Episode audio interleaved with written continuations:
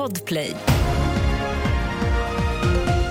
Det här är senaste nytt. Donald Trump har under ett tal igår påtalat att han som president inte skulle hjälpa ett annat NATO-land som blev attackerat om landet inte betalade sin beskärda del av NATOs försvar. Han sa också att han skulle uppmuntrat Ryssland till att göra citat vad fan de vill.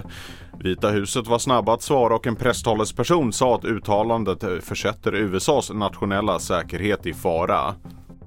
En kvinna i 50-årsåldern har avlidit efter den svåra olyckan som skedde på E6 utanför Falkenberg vid 19-tiden igår kväll.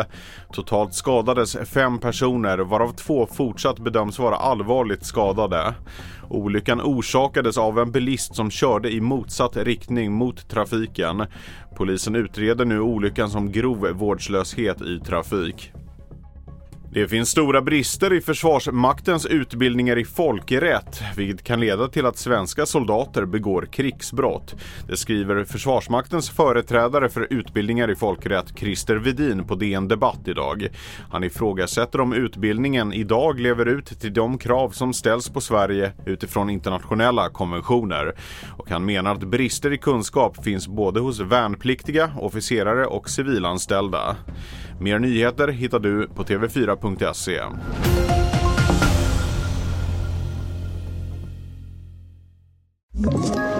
Ett poddtips från Podplay. I fallen jag aldrig glömmer djupdyker Hasse Aro i arbetet bakom några av Sveriges mest uppseendeväckande brottsutredningar.